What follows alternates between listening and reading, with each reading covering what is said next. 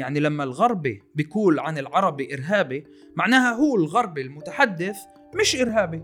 لما الغربي بيقول العربي متخلف وغير عقلاني وشهواني فهو الغربي بحط الحد بينه وبين هذا الآخر ليوصف حاله كالحالة المعاكسة. إيه بالنسبة لموضوع إيه، تجنيد السينما كأداة مشان أنا أقنع الرأي العام وأجند الرأي العام إنه يدعمني. طبعا هاي مش مش شيء جديد. إحنا شفناها سابقا إيه، فترة الاستعمار كيف كانوا يستعملوا الأدب كأداة مشان يقنعوا الرأي العام إنه اللي إحنا بنعمله منطقي جدا. إذا أنا من خلال الأدب باجي بشرح للقارئ إنه الرجل الأبيض أفضل من الرجل الأسود والرجل الأبيض هو أعلى بالهرم البشري فأنا طوالي باجي بقنعه إنه أنا بقدر أجند الرجل الأسود كأداة يجي يساعدني. وهيك إيه، أقنعونا في فكرة العبودية عمليا من خلال هذا الأدب. علاء الدين إيه، فيلم ديزني أول ما صدر على السينما هيك الكلمات بتقول في بداية الأغنية. أنا آت من بلاد بعيدة فيها تسير قوافل الجمال بلاد فيها قد يقطعون أذنك إن لم يعجبهم وجهك. إنها بربرية لكن مهلا. إنها بيتي.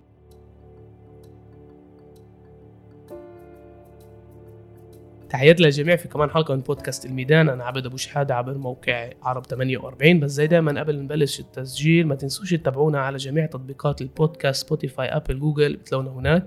وأنا مجبور أعتذر الجمعة اللي فاتت ما كانش عندنا حلقة بسبب إنه كنت عيان فحقكم علي وراح أحاول أنشر كمان حلقة الأسبوع الجاي. واليوم معي في التسجيل طالب الدكتوراه لؤي وتد من قرية جد.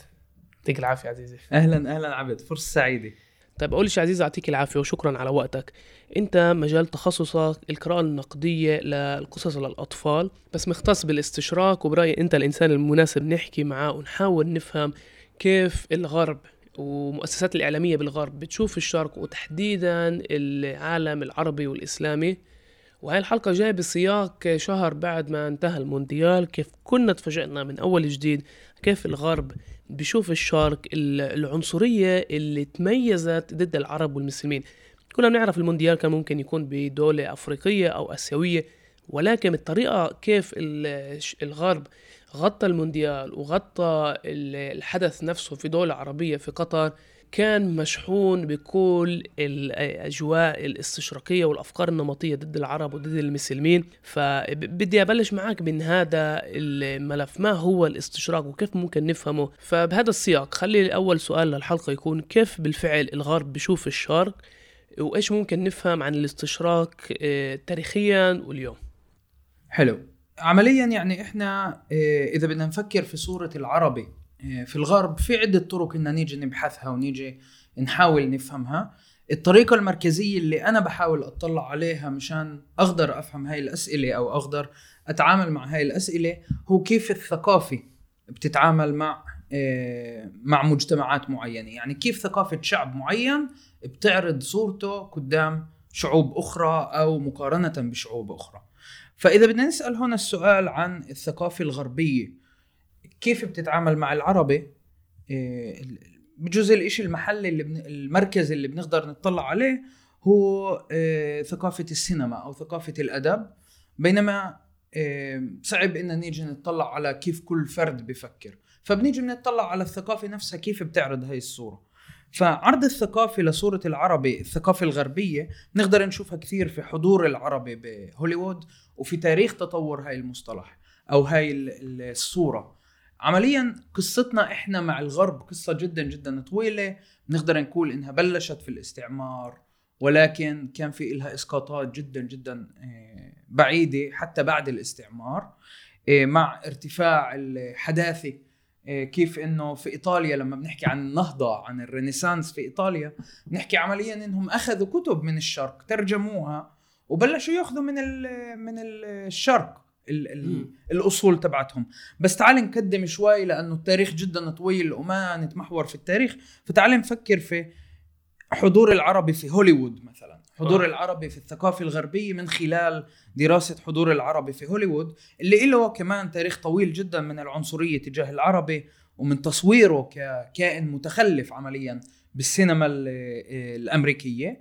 يعني ممكن نفكر إنه إيه، أول فيلم عادة إحنا بنفكر إنه بيكون لورنس العرب لأنه بجوز أكثر فيلم مشهور عندنا. بس لو- لورنس العرب صدر ب 62 طبعا من إخراج ديفيد لين يعني اللي إيه، فاز بجوائز أوسكار. بس العربي بهوليوود له ماضي أسبق من لورنس العرب. الأفلام الأولى والمركزية عمليا هي فيلم العرب The Arab 1915 وفيلم الشيخ 1921 هن هذول الأفلام المركزية اللي بلشت. تصوير العربي بطريقة معينة. عرضن العربي الفيلمين كمتخلف اللي بيعيش بحياة بادية بالصحراء بخطف نساء بيض مثلا. إيه، فيلم الشيخ بنقدر نطلع عليه كان في عنا سوق للتجارة بالنساء. عادة بتتطور قصة حب معينة بين المرأة الأجنبية وبين العربي. بالفيلمين هذول مثلا إيه، شفنا هيك قصص حب. بس هذا الإشي طبعا بيورجينا قديش العربي هو مغري بالهمجية تبعته من ناحية ال ال الغربي و- والشدة تبعته القوة تبعته. يعني من أول الفيلم إذا بدنا نحكي عن فيلم الشيخ من أول الفيلم مشان يعرفنا المخرج على العربي جاب لنا صورته وهو يصلي في مجموعات جدا جدا كبيرة.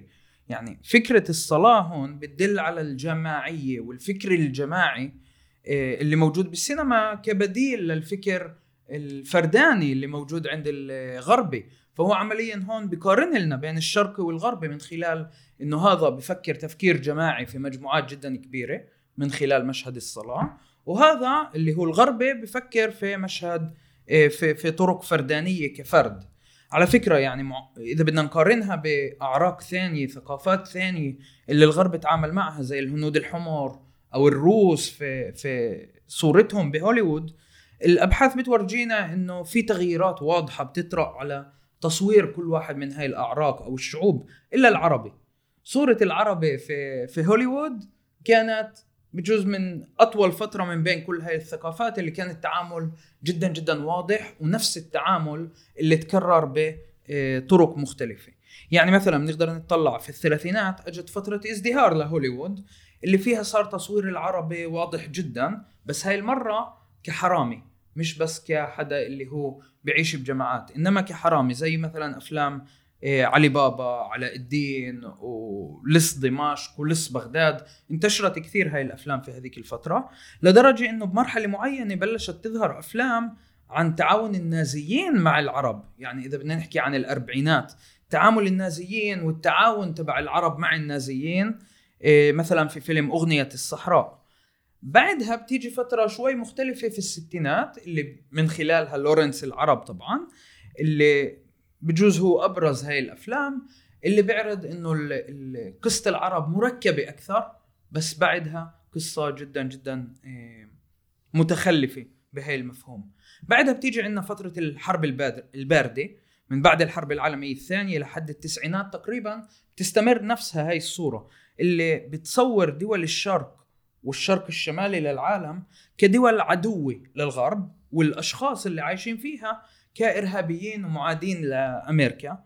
والعرب طبعا دائما كانوا ينوصفوا ك إيه، متعاونين مع الشرق العالم الشرق شمالي اللي هو إذا بدنا نحكي عن السوفييت أو بدنا نحكي عن الروس.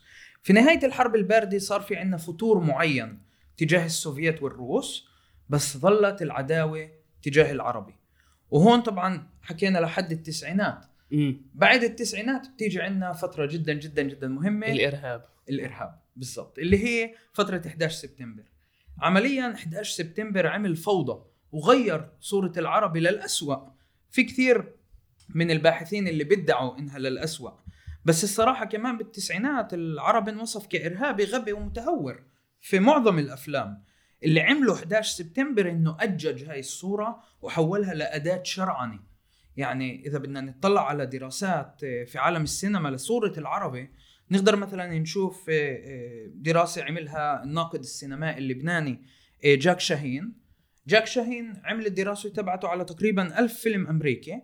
وبدعي إنه في بكل هاي الأفلام بنقدر نلخص كل صور العربي لسبع صور نمطية اللي بتحط العربي بصورة معينة أو بطريقة معينة اللي هي صورة البدوي الشرير اللي بيعيش بصحراء كاحلة أو صورة الرجل اللي محاط بالنساء زير النساء يعني والعاشق للأوروبيات والمغري لهي الأوروبيات هي الصورة الثانية الصورة الثالثة صورة الإنسان الغبي عديم الجدوى اللي بنقدر نقتله بدون ما يأنبنا ضميرنا لأنه فيش حاجة له الصورة اللي بتيجي بعدها صورة.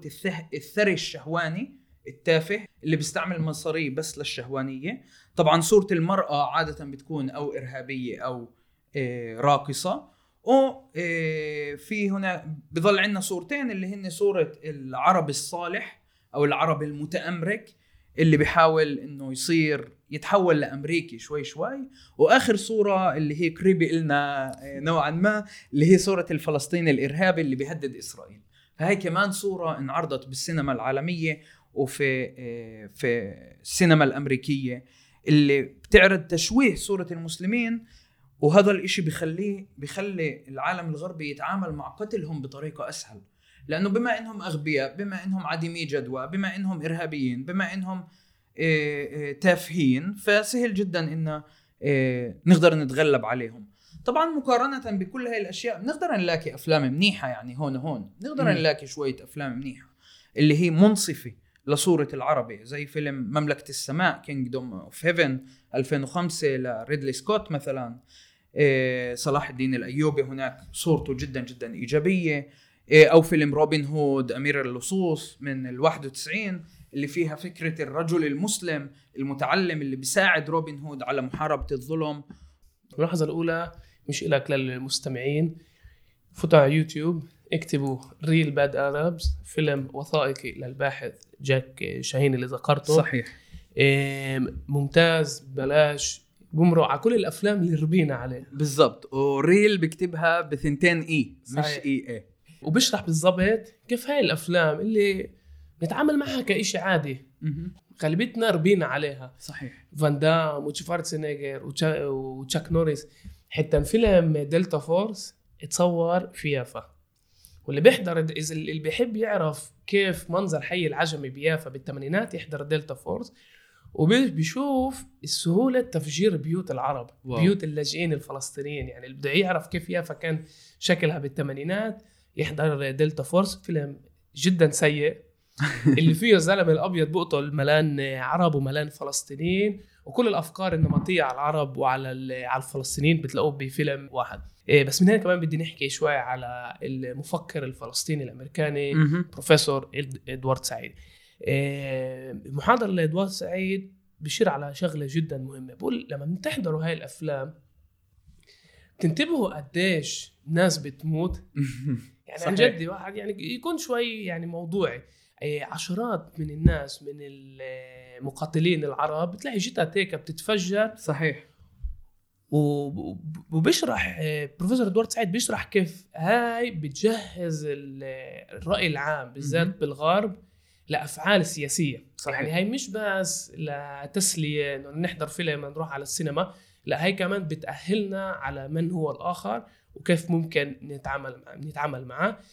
وما ينفعش نفهم الحرب على العراق وعلى اليمن وعلى صحيح. ليبيا وعدد يعني الهائل شت الفل... شت للأسف شت العرب والمسلمين اللي ماتوا آخر 20 سنة بدون ما نفهم مفهوم الاستشراق. فبدي هنا نفوت شوي بالنسبة للأورينتاليزم بالاستشراق إدوارد سعيد وإيش ممكن نتعلم منه إيه للحياة السياسية اللي بنعيشها. صحيح. إيه في هاي القضية يعني بدي أحكي هنا إيه عن شغلتين. بداية إيه بالنسبة لموضوع إيه تجنيد السينما كأداة مشان أنا أقنع ال ال الرأي العام وأجند الرأي العام إنه يدعمني. طبعا هاي مش مش شيء جديد. إحنا شفناها سابقا إيه فترة الاستعمار كيف كانوا يستعملوا الأدب كأداة مشان يقنعوا الرأي العام إنه اللي إحنا بنعمله منطقي جدا.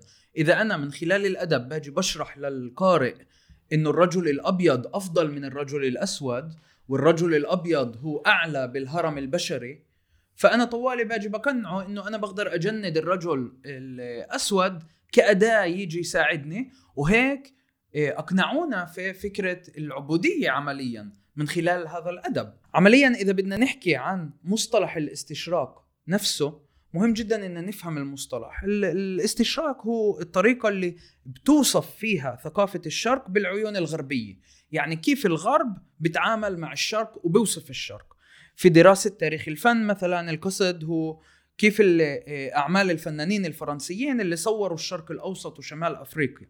وبالأدب ممكن نشوف أشياء مشابهة لمحاولات وصف الشرق بطريقة معينة. اللي صار إنه سنة 1978 آه، بيجي بروفيسور إدوارد سعيد وبصدر كتابه تحت اسم الاستشراق أورينتاليزم. بيقدم لهذا المفهوم صورة نوعية ونقدية جديدة اللي بتأكد على توسع هذا الخطاب في الحيز الغربي اللي آه، اجى بدعم من الاستعمار وزاد من حدة الاستعمار وطريقة عرض الشرق بهي الصورة. عمليا إدوارد سعيد بكتابه ما بيحكي عن الشرق إنما بيوصف الفكر الغربي وكيف الفكر الغربي بيتعامل مع الشرق. عمليا آه، سعيد بيوضح لنا إنه الاستشراق كخطاب هو فشل بشري مش بس فشل فكري لأنه في موقفه بيغتزل ثقافة كاملة لعرضها بصورة نمطية عنصرية عمياء وحدي وبس. وهين بحاول إدوارد سعيد إنه يحذرنا إنه طرق التفكير مثل آه، الاستشراق خطابات السلطة الخيالات الأيديولوجية بتم إنشائها وتنفيذها وصيانتها بسهولة جدا. بنقدر نشوفها بالخطاب الأكاديمي بالخطاب الفني بالخطاب الأدبي وبشكل خاص طبعا بالسياسة وتوظيفها كأداة للسيطرة على على الآخر وإنقاذه أحيانا. وكأنه إحنا بدنا ننقذ الآخر من خلال إيه إيه عرض صورته بهي الطريقة. وزي ما ذكرنا هاي الصورة ما كانت مميزة بس بالسينما ولا بس بالأدب ولا بس بالبحث. كانت جزء من خطاب عام. بس الشرقي ما كانش هو الوحيد اللي هيك انوصف بالعالم الغربي. يعني كمان الهنود الحمر أو أصح نقول اليوم ال Native Americans الشعوب الأصلانية آه، في الولايات المتحدة. لفترة طويلة بالسينما الغربية كان كانوا يوصفوهم إنهم متخلفين وكانوا يوصفوهم بإنهم شعوب اللي بتآمن بأشياء غريبة اللي صعب جدا البني آدم يفهمها لدرجة إنه كانوا يعرضوها بالفيلم بطريقة جدا غريبة حتى بطريقة أصوات اللي آه، تنحكى بطريقة غريبة ما في لها آه، وضوح. كانوا يضيفوا هناك إيمان بأرواح حيوانات. يعني بنفع نتذكر صورتهم مثلا بأفلام الكاوبوي على إنهم العدو الوحشي اللي بدنا نيجي نقتله بأي طريقة ونتخلص منه لأنه متواصل مع الطبيعة وبيستغل الطبيعة وبيوظف عناصر الطبيعة كأداة اللي تساعده بينما الكاوبوي هو اللي بيسخر التكنولوجيا لمساعدته. فهو بيمثل الحضارة. إيه بنقدر نشوف مثلا فيلم ديزني القديم بيتر بان إذا بدنا نطلع على أفلام سينما الأطفال. في بيتر بان في من ال 53 الفيلم 1953 الهندي الأحمر هناك أو ال Native American الشعوب الأصلانية ال Native American هناك بيحكي بلغة مش مفهومة وبهتر لدرجة إنه بصير يقول how وبيتر بان بتعلمها إنه how هي مرحبا بلغة إيه، هذول الشعوب. فهاي إيه، هاي البربرية عمليا إحنا بنسميهم أو في مجتمعات معينة في دراسات معينة بسميهم بربرية لأنهم ببربروا بيحكوش لغة واضحة. على كل شو المقصود من من هاي الصور كلياتها؟ بالتالي اللي بصير إنه تصوير الآخر كغير عقلاني هو عمليا تصوير للأنا كعقلاني. بالضبط. وهي اللي بيجيب لنا إياه إدوارد سعيد. هاي عبقرية علم النفس في فهم الاستشراق. عمليا إدوارد سعيد أوكي حكى عن تصوير الشرق بس بنقدر ناخذ هذا الإشي نفس الأدوات لتصوير أي آخر. يعني لما الغربي بيقول عن العربي إرهابي معناها هو الغربي المتحدث مش إرهابي. لما الغربي بيقول العربي متخلف وغير عقلاني وشهواني فهو الغربي بحط الحد بينه وبين هذا الآخر ليوصف حاله كالحالة المعاكسة. يعني إذا هم متخلفين أنا عقلاني. إذا هم شهوانيين أنا غير شهواني أو أنا بحاول يعني عندي القدرة أسيطر على شهوانيتي. يعني عمليا تعريف الآخر من أجل تعريف الذات. هاي آلية نفسية بتستعملها المجتمعات. نقدر نشوفها اليوم بسهولة بمسلسلات زي فوضى مثلا. آه؟ الفلسطيني يوصف هناك كإرهابي متخلف ما عندوش مشاعر. معناها إحنا اللي عملنا الفيلم إحنا الإسرائيليين اللي عملنا الفيلم تماما العكس. إحنا الأبطال المنقذين العاطفيين إحنا الخير. كل مفهوم الخير عقبال الشر بتضعضع من خلال السينما لأنها بتيجي بتعرض صور آه، مغايرة للصور اللي إحنا شايفينها في الواقع مغايرة لصور الضحية والبطل. بما معناه وصف الآخر من أجل تعريف الهوية الشخصية. تعرف لاي وأنت تحكي من خطر ببالي؟ الأمير هاري. آه. لازم ينشر كتاب قصة حياته بالفترة القريبة.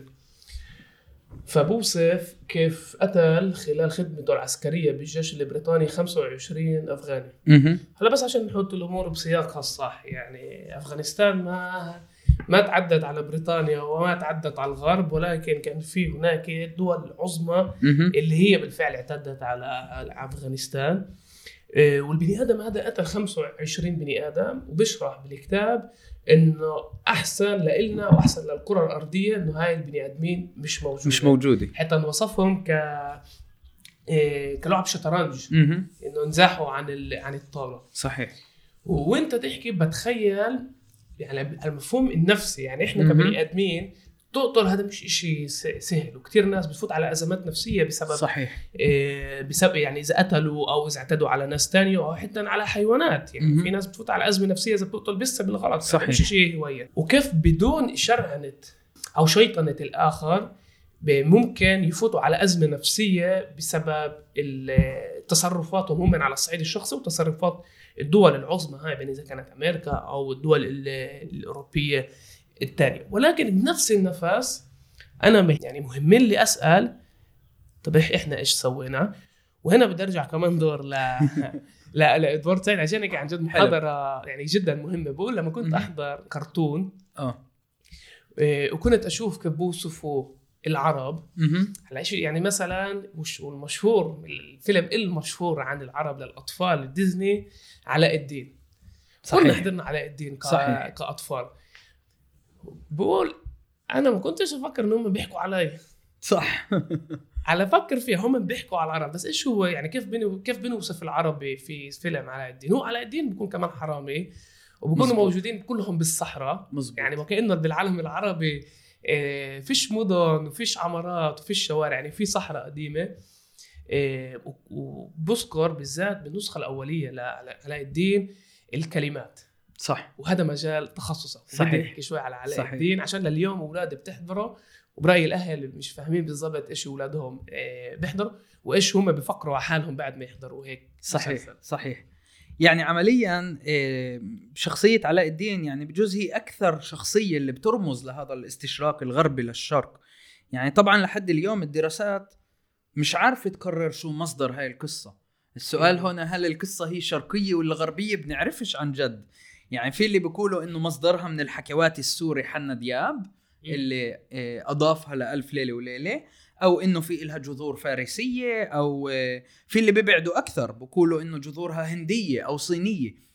آه، ولكن أكثر نظرية متبعة اليوم ومعظم الباحثين ماشيين وراها ومأمنين فيها هي إنه القصة هاي هي قصة دخيلة على مجموعة ألف ليلة وليلة اللي دخلها هو كان اللي ترجم ألف ليلة وليلة للفرنسي وعمليا اللي وثقها بالفرنسي وجمع القصص آه، أنطوان جولان فمن هذا المحل طبعا علاء الدين صار أداة بإيدين الغرب مشان يحكوا قصة الشرقي. وبالضبط زي ما ذكرت يعني هو الشرقي اللي معروض كحرامي شوارع من جهة ومن جهة ثانية آه، يتيم اللي بيحاول يضحك على أميرة بيحاول يتجوز الأميرة. آه، بس هو نفسه بينضحك عليه من قبل عربي ثاني. جعفر طبعا إحنا بنعرفه بال بالفيلم تبع ديزني. إيه، اللي بيكون يسعى للسلطة وللزواج من الأميرة بنت السلطان بنفسه. فعمليا السؤال شو اللي بيخلي علاء الدين يتغلب على الوزير في النهاية؟ كيف هذا العربي الحرامي بيتغلب على العربي الحرامي الآخر؟ إيمانه بالقوة الغير طبيعية وبالمارد. يعني عمليا استعماله وتجنيده لقوى السحر هي اللي بتخليه ينجح. إشي شبيه جدا بقصة سندريلا بهذا السياق إنه سندريلا بتتغلب من خلال استعمال قوى آه، خارقة في فيلم ديزني. بس هون الوضع شوي مختلف لأنه من البداية بيحكوا لنا قصة علاء الدين كشرقي وبهذا المحل ممكن وصف العالم اللي حواليه العالم الشرقي اللي حواليه. هيك مثلا بفيلم آه، ديزني من 92 ببلش الفيلم بكلمات مجنونة يعني أنا عن جد بس استوعبتها فهمت إنها كلمات عن جد مجنونة. الكلمات بتقول هيك في الأغنية في الإنجليزي. لا لعلاء الدين. لعلاء الدين. علاء الدين آه، فيلم ديزني أول ما صدر على السينما هيك الكلمات بتقول في بداية الأغنية. أنا آت من بلاد بعيدة فيها تسير قوافل الجمال بلاد فيها قد يقطعون أذنك إن لم يعجبهم وجهك. إنها بربرية لكن مهلا. إنها بيتي. شوفوا يعني قديش الإشي مجنون إنه بفيلم أطفال أنا بحكي إنه في هاي البلد اللي هي معروضة كبلد شرقية بيقدروا يقطعوا ذانك إذا ما عجبهمش وجهك. بعدها بسنة على فكرة صار في كثير اعتراضات. إيه بعدها بسنة سحبت ديزني نسخ الفيلم وأصدرت أغنية جديدة لما طبعت ال DVD وفيها بدل بلاد فيها يقطعون أذنك إن لم يعجبهم وجهك صارت أرض مسطحة وجرداء فيها الحرارة شديدة. يعني عملوا إشي جدا جدا آه، مجرد هاي الجملة. بس وين المأساة؟ المأساة الكبيرة إنه آه، بقيت هاي الجملة في الدبلجات للغات ثانية. مثلا إذا بدنا نطلع على الدبلجة العبرية لعلاء الدين لحد اليوم فيها الأغنية بتقول أنا آت من بلاد بعيدة فيها تسير قوافل الجمال سوف يقطعون يدك على كل خطية. إنها بربرية لكن مهلا إنها بيتي. يعني شوف هنا ركزوا على يقطعون يدك عن على كل خطية في الدبلجة العبرية. بينما كان ممكن يصلحوا يعني الدبلجة المصرية مثلا صلحت. حذفت هاي الجملة وبدلتها بالتركيز على السحر لأنها عارفة المدبلج المصري عارف إنه الفيلم بيركز على السحر. فقال, فقال هيك أنا جاي من بلاد أغرب منها أعجب منها ما فيش. فيها قصور من ذهب ونحاس فيها المال زي البحر حر يسيح منه الصخر. طلع يعني الجملة اختلفت نهائي بطل فيها كل هاي تقطيع الذنين وتقطيع الإيدين. بعدها في الفيلم الفيلم بيستمر بيجي التاجر وبيستقبلنا في البلد. أي بلد طبعا؟ هنا الحكي عن أغربة. ديزني أجت عرضت لنا أغربة. شو هي أغربة؟ لما ديزني صمموا البلد ما كانوا يفكروا في أي بلد عربية غير بغداد. بالنسبة لهم اغربه انعرضت كبغداد. كانوا بدهم يسموها حتى بغداد. أغربة كان المفروض إنها تكون بغداد بكل صورها تصميم البلد كمان هيك مع إنه القصر نفسه هو مقابله لتاج محل. محل بالهند بالضبط. بس المشكلة كانت إنه بال 91 هم يشتغلوا على الفيلم. حرب العراق. بالضبط. فأمريكا كانت متوغلة بحرب العراق وحرب الخليج و... ففي ديزني بلشوا يقولوا بنفعش يعني نحكي قصة بغداد وقت ما بندب عليها كنابل. بنفعش. نقصف فيها. نقصف في بغداد وبدنا نطلع فيلم اللي بيحكي عن بطولة آه، اللصوص في بغداد. فغيروا اسمها بس خلوا التضاريس تاعت بغداد يعني دراسة المكان. اللي صار بفيلم علاء الدين إنه كان ناجح جدا جدا جدا بس كان كارثه استشراقية. حاولوا يغيروا في الفيلم. يعني اليوم لما عملوا صيغة جديدة اللي بسموها ال live action في 2019 حاولوا يغيروا من خلال تغيير كلمات الأغاني اللي فيها مشاكل آه، تغيير مصطلحات أو جمل قالوها اللي مش مزبوطه زي مثلا كانوا يحكوا في الفيلم تبع 92 عن صلاة يوم الأحد اللي ما في إلها علاقة بالإسلام فحولوها لصلاة يوم الجمعة. إيه وهيك يعني أشياء هبلة كانت بالتسعينات صلحوها بال 2019 بس أكبر تغيير على إيه الفيلم اللي صدر في 2019 كان في شخصية ياسمين الأميرة. عمليا الجانب النسوي تبع الفيلم هو التغيير الكبير. بفيلم 92 كانت ياسمين مجرد أميرة بدهاش تتزوج وفي 2019 صارت ياسمين بتمثيل نعمي سكوت الرائعة طبعا صارت أميرة متميزة جدا برفضها لقوانين الدولة والمملكة المكتوبة بالصخر بوصفها طبعا وحاولت تغييرها كلياتها وتعيد صياغة القوانين من جديد. مش بس هيك يعني ضفوا لها كمان أغنية اللي بتحكي فيها إنه حتى لو قوانينكم وعاداتكم وتقاليدكم محفورة بالصخر مستحيل أسمح لكم تسكتوني وتتغلبوا علي. مش راح أسكت عن اضطهادي. وهيك صار في عندنا صورة ممتازة جدا لأميرة عربية رهيبة مناضلة وقوية جدا في فيلم للأطفال اللي صدر في 2019 هذا عزيزني بجيبنا للمحور الثالث. حكينا على الاستشراق مهم. حكينا كمان على علاء الدين وعلى إدوارد سعيد. هلا بيجي نحكي كمان على النساء. العربيات. وبدي هيك أعطي بس ملاحظة قبل ما نحكي على النساء. بدي أعمل التمييز بين العرب والمسلمين.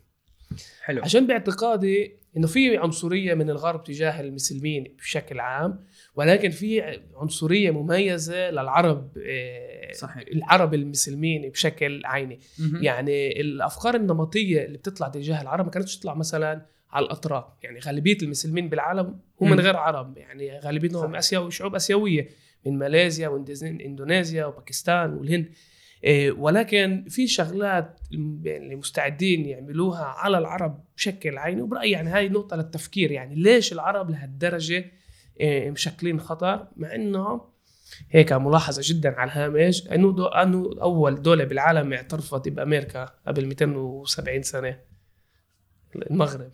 wow. عشان هيك عن جد عشان هيك كمان دونالد ترامب ولما نجي يبرر ليه بده يعترف في احتلال المغرب للصحراء الغربية شدد وقال إنه المغرب كانت أول دولة اللي اعترفت بأمريكا. هلا واضح إنه في هناك صفقات وفي هناك كثير أسباب لأمريكا كانت معنية تعترف في احتلال الصحراء الغربية ولكن مثير إنه ذكرها. اعترف باحتلال الصحراء الغربية. مزبوط صحيح فهو صحيح. شدد قال إنه أول دولة اعترفت فينا في العالم هي المغرب. حلو. فهي بس هيك ملاحظة على على السريع. إيه بدي نحكي كمان على النساء. عشان أنا لما نر... صورة النساء آه عشان يعني باعتقادي بالسنين الأخيرة مع كل الثورة النسوية اللي بتصير بالعالم بشكل. عام أثرت كمان على النساء في هوليوود والنساء في ال...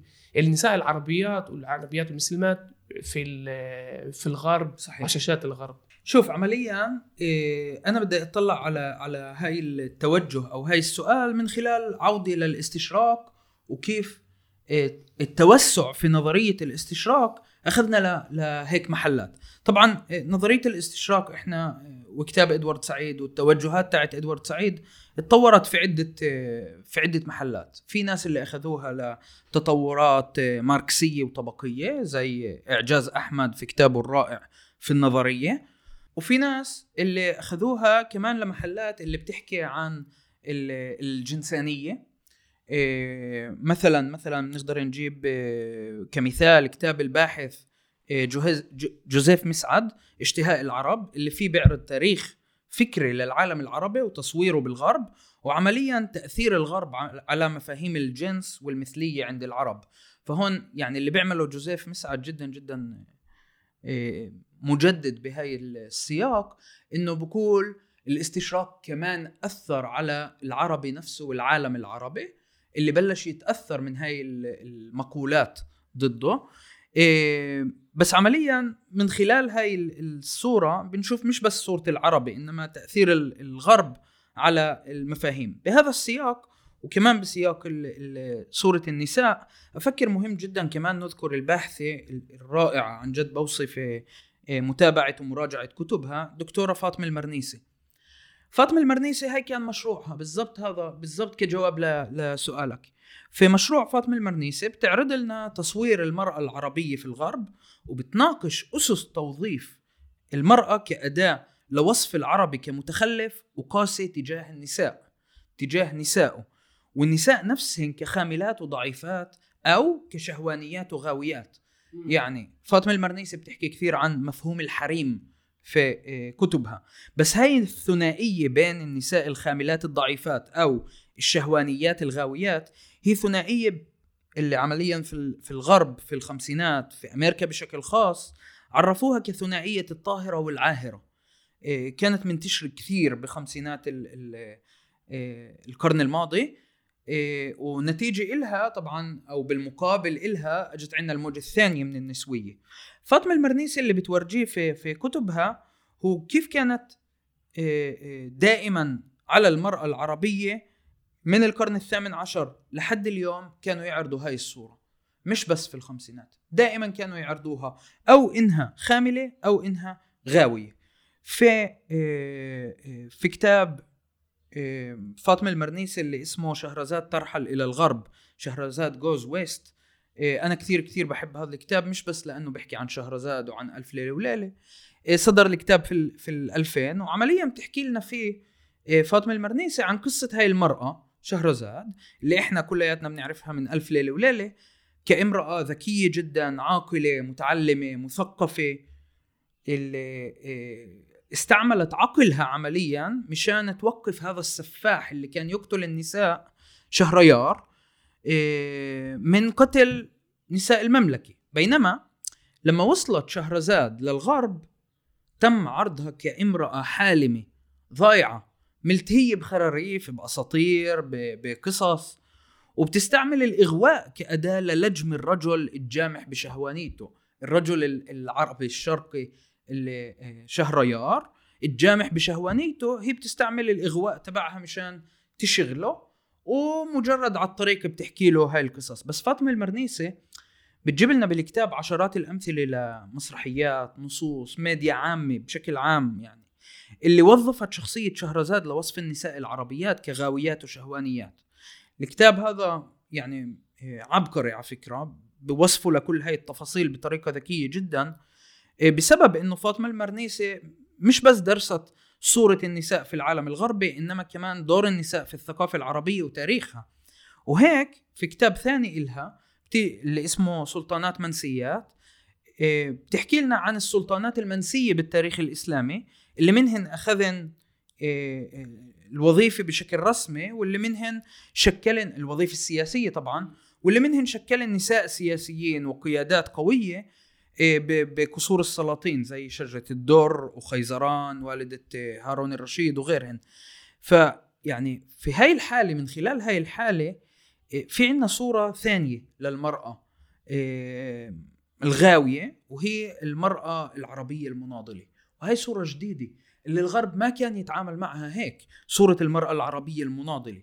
بس فاطمة المرنيسي بتورجينا إنه في كتاباتها تقريبا في كل كتاباتها إنه هاي هي الصورة اللي كانت في العالم العربي نفسه. هيك كانوا يتعاملوا مع النساء في كثير محلات وفي كثير ثقافة في كثير آه، إنتاجات أدبية. بجزء من الأبحاث تبعتي أنا بشكل خاص عن آه، آه، تقصي الاسم ليلى مثلا أنا ببحث كثير شخصية ليلى الحمراء. فبحثت كمان تقصي الاسم ليلى في العالم الغربي وكيف بتم وصفه. طبعا لكل واحد آه، منا لما نفكر في ليلى أو بنفكر في ليلى الحمراء. وإذا سألتك عن ليلى في سياق عربي بفكر على ليلى خالد. ليلى خالد في السياق الفلسطيني بالضبط. وفي السياق العربي في عندنا ليلى العامريه إيه ليلى العامريه جننت قيس طبعا وليلى الحمراء جننت الذئب. بس بالعالم الغربي الليلة إلها أدوار مركبة أكثر. يعني بنقدر نحكي عنها ساعات كاملة عن كيف عرضوا ليلى. باختصار بنقدر نقول إنه ليلى كاسم اليوم بنقدر نشوفه كثير كاسم لشخصية في الميديا الغربية وفي السينما العالمية اللي عادة بيوصف شخصية شخصية المرأة العربية المناضلة اللي بتتحدى العادات والتقاليد العربية القاسية تجاهها في آه، في كثير محلات. يعني إذا بنطلع في العشرين سنة الأخيرة صدرن أكثر من عشرين فيلم طوال وقصار اللي اسمهن ليلى. في أوروبا أنا بحكي. بكل هاي الأفلام ليلى بتكون تتحدى عائلتها مرات مشان تهرب من الغرب وترجع للشرق مثل بفيلم ليلى إم. مرات آه، آه، مشان تقدر تعيش حياة مثلية مثلا. تتحدى المجتمع تبعها وتعيش حياة مثلية زي بفيلم ليلى ونور. وكثير مرات بتكون ضحية لذكورية المجتمع العربي اللي موصوف إنه مجتمع ذكوري بهاي الأفلام دائما وذكوري بامتياز تجاه ليلى وتجاه كل النساء. بما معناه الليلة اللي انعرضت في السينما الغربية بتعرض صورة جديدة للمرأة بس مش صورة جديدة للعربي لأنه العربي بعده ذكوري بعده معتدي على نسائه. بنقدر نشوف آه، إشي شبيه على فكرة آه، بفيلم بر بحر كمان. للمخرجة آه، ميسلون حمود. بنقدر بنقدر نشوف الفنانة الممثلة منى حوا بتكون بدور ليلى كمان في الفيلم. وليلى هناك هي المحامية القوية بين البطلات بين بطلات الفيلم المختلفة اللي اللي بتوظف ثقافتها وتعليمها وقدراتها مشان تتحدى العالم الذكوري والعنيف اللي موجود حواليها وتساعد صديقاتها.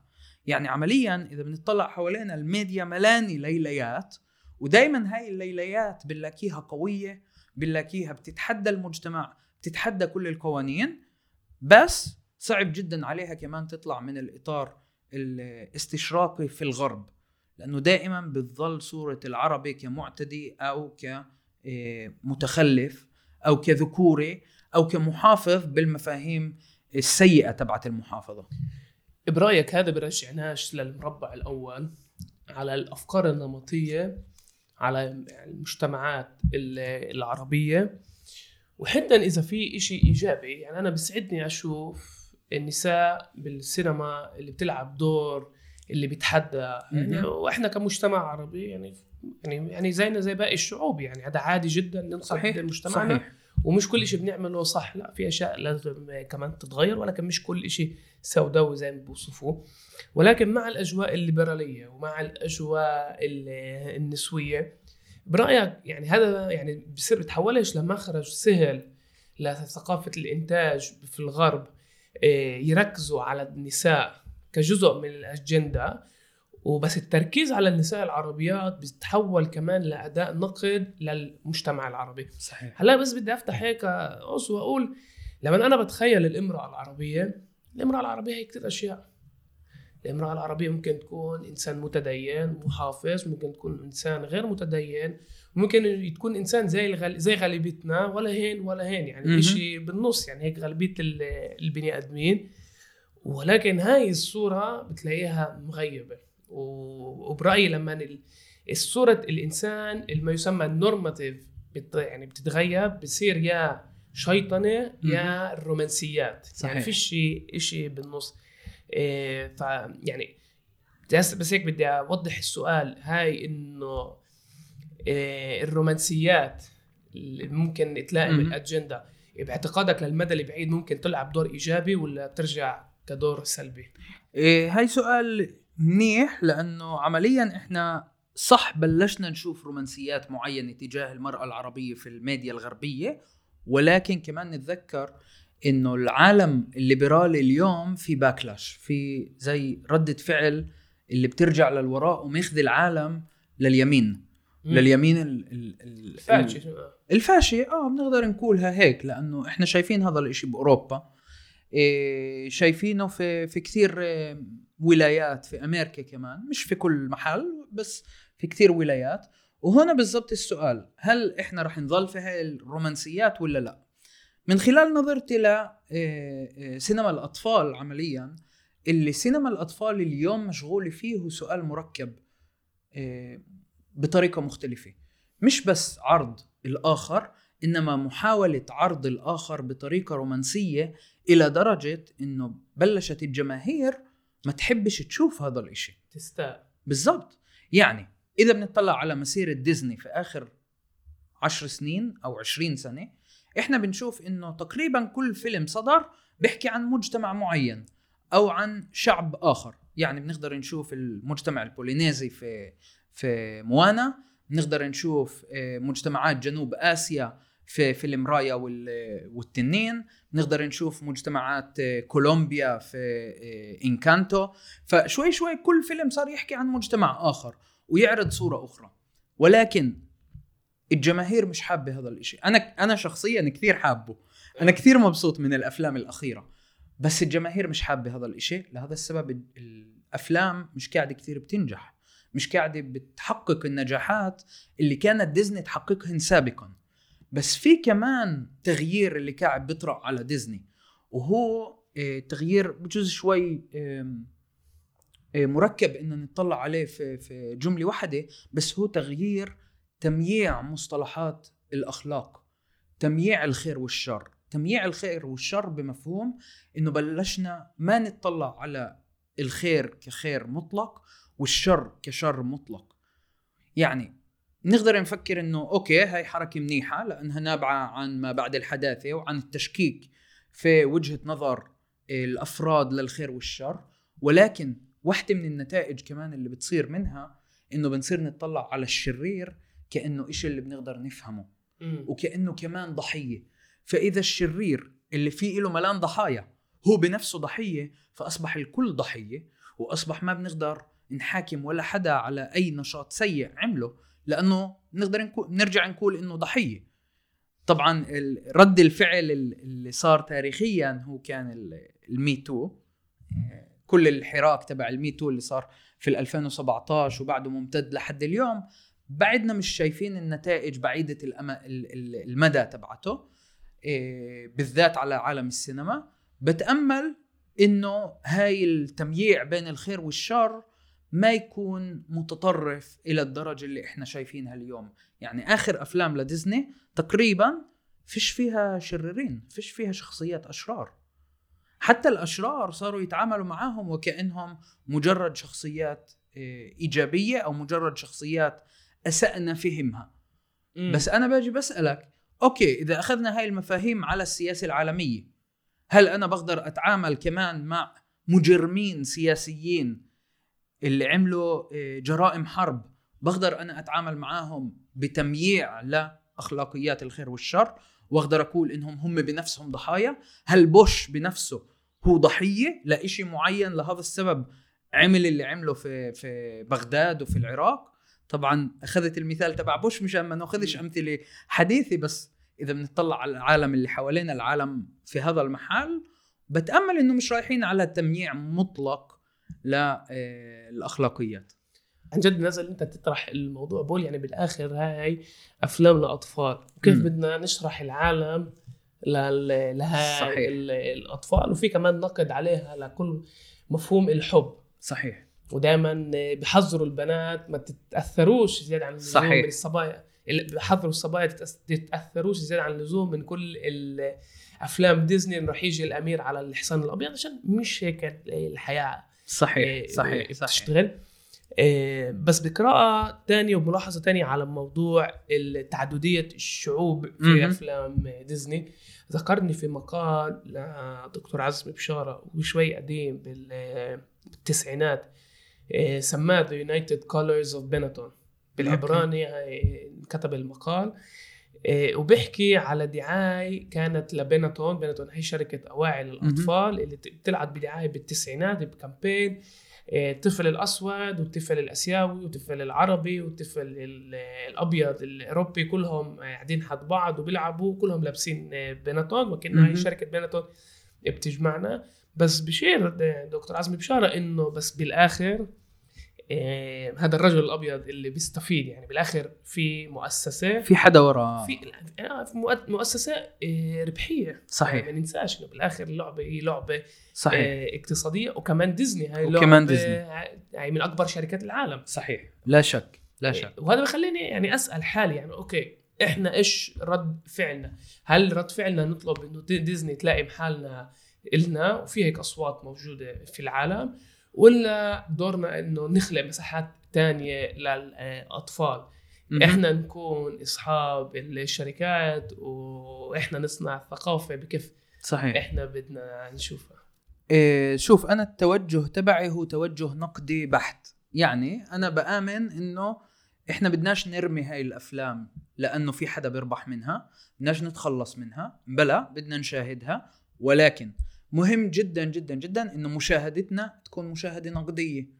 بالذات لسينما الأطفال. يعني لما الأهالي بيجوا بيحضروا الأفلام مع أطفالهم طبعا أنا بآمن إنه كل فيلم مش لازم ينحضر بس آه، الأطفال بس لحالهم يحضروا الفيلم إنما الأهالي يكونوا جزء من هاي النشاط لأنه نشاط اجتماعي وأسري لازم يكون مشاهدة الفيلم. بعد مشاهدة الفيلم لازم نحكي عنه. باللحظة اللي إحنا حكينا عن الفيلم إحنا بنبلش نطلع هذا النقد. من هذا المحل بالضبط يعني أنت عرضت مثلا قضية الحب ديزني في لها تاريخ جدا جدا طويل بالتعامل مع الحب لأنه في الأفلام الأولى تاع ديزني الأميرات كانت توقع بحب الأمراء بس لأنهم أجوا على حصان ينقذوهن أو إذا وبس. أو إذا باسوا الضفدعة. أو إذا بالضبط. ولكن في الأفلام الجديدة في عندنا اعتراض جدا جدا واضح. ملان أفلام اللي فيش فيها أمير ملان أفلام اللي فيها أمير بس الأميرة أو البطلة هي اللي بتتغلب وبتدبر حالها بدونه أو هي اللي بتنقضه. أو بترفضه. أو بترفضه بالضبط. في عندنا فيلم موانا مثلا اللي ماوي بيجي من أول الفيلم بيجي بقول لها أنا جاي أنقذك. في الآخر هي اللي بتنقضه في الآخر بنشوف إنه هو جدا ضعيف وهو اللي بحاجتها. بس في عنا كمان فيلم اللي هو فيلم فروزن اللي بيقدم لنا بديل. فيلم Frozen أخذ هاي الفكرة وحطها بالمركز. وقال من بداية الفيلم إنه الأميرة أنا وقعت بحب الأمير هانس بس أختها ما قبلتش قالت لها؟ بينفعش توقع بحب, بحب حدا هسه التقيتي فيه. آه. في نهاية الفيلم طبعا بنفهم إنه هانس كان يضحك عليها وبنفهم إنه كان آه، هو الشرير عمليا وبنفهم إنه كل الحوار عن قبلة الحب أو ال act of love العمل تبع الحب نفسه أو النشاط تبع الحب نفسه بتمثل في العلاقة بين الأخوات مم. والعلاقة بين الأخوات هي كمان حب اللي لازم نركز صحيح. عليه صحيح. وطبعا هاي يعني بنشوفها كثير هسه في أفلام ديزني الجديده فديزني بلا بتجدد لنا أشياء اللي هي آه، قيم حديثة نقدر نسميها ليبرالية بمحل معين آه، ولكن هاي القيم مش لازم نأخذها كيف ما هي هاي القيم لازم نقعد مع الأطفال ونفكر فيها ونحاسب حالنا ونسأل الأطفال شو رأيهم فيها ونناقشها مع الأطفال. نقاش هاي الأشياء مع الأطفال هو الطريقة المركزية. وهون بدي أرجع كمان لعلاء الدين. حكينا عن علاء الدين. مجرد إنه شاهدنا الفيلم وقعدنا مع الأطفال نحكي عن الفيلم ونحكي عن شو إحنا شفنا في الفيلم وشو هم شافوا في الفيلم ممكن نعرض للطفل فكرة الاستشراق يعني طبعا أنا ما بحكي عن طفل أربع سنين أنا بحكي صحيح. عن طفل ست سنين سبع سنين ثمان سنين ممكن يفهم شو الفكرة المركزية اللي موجودة هناك. قبل ما ننهي أنا بديش كمان over آه، romanticize على علينا إحنا. ولا على ديزني طبعا. يعني آه، بدي نحكي كمان على مقال انت بعت لي اياه وكنت كاتبه نقد على كتاب اللي لقيته. نسيت نسيت أي مكتبة. يعني في في واحد من المكاتب عندنا بالضبط في حانوت كتب. سني يعود إلى لونه. بيحكي عن صحيح. طفل أسود اللي عنده علاقة هيك مميزة مع الحيوانات. الأولاد البيت بيستغربوا من لونه بيقبلوهمش بيقبلوهوش عليه يعني يلعب بيقبلوش إنه يلعب معه. بدهن حاله سالي. صحيح. سني آسف.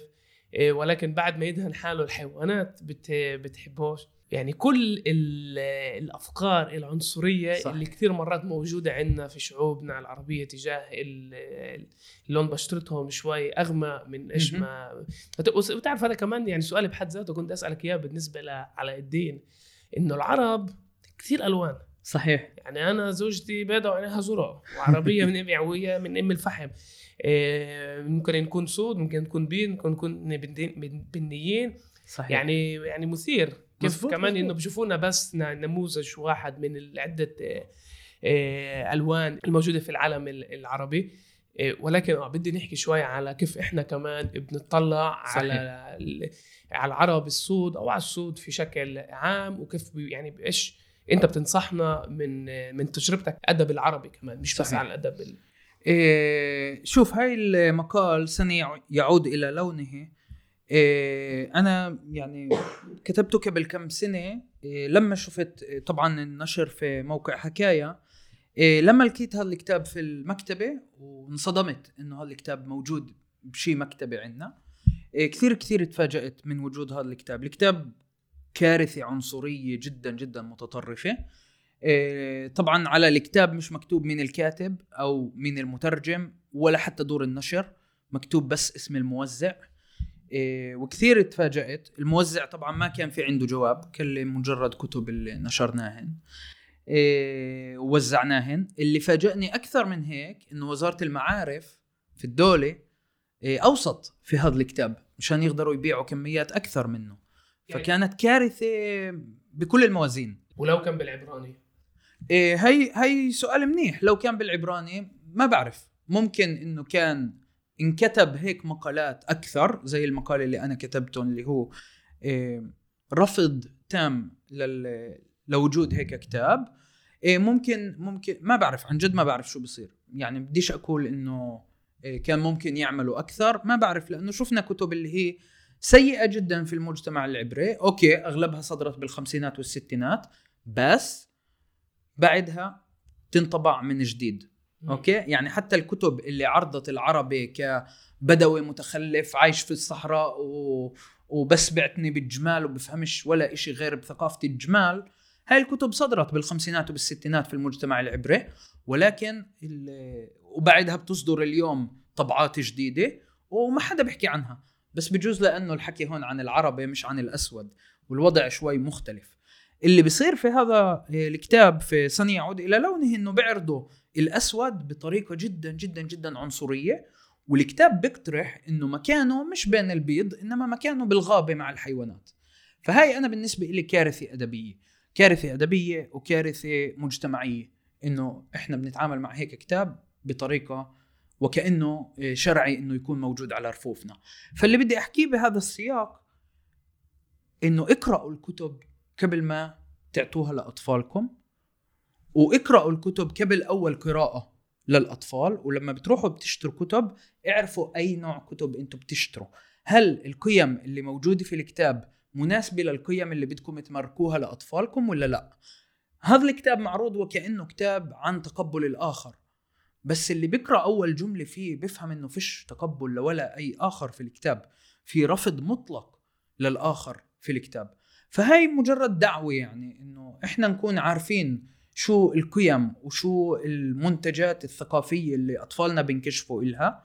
طبعا طالما لا يعني طالما بعدهم بجيل اللي إحنا بنقدر آه نتدخل إحنا بنقدر نأثر على المحلات اللي بيقدروا يقرأوا منها.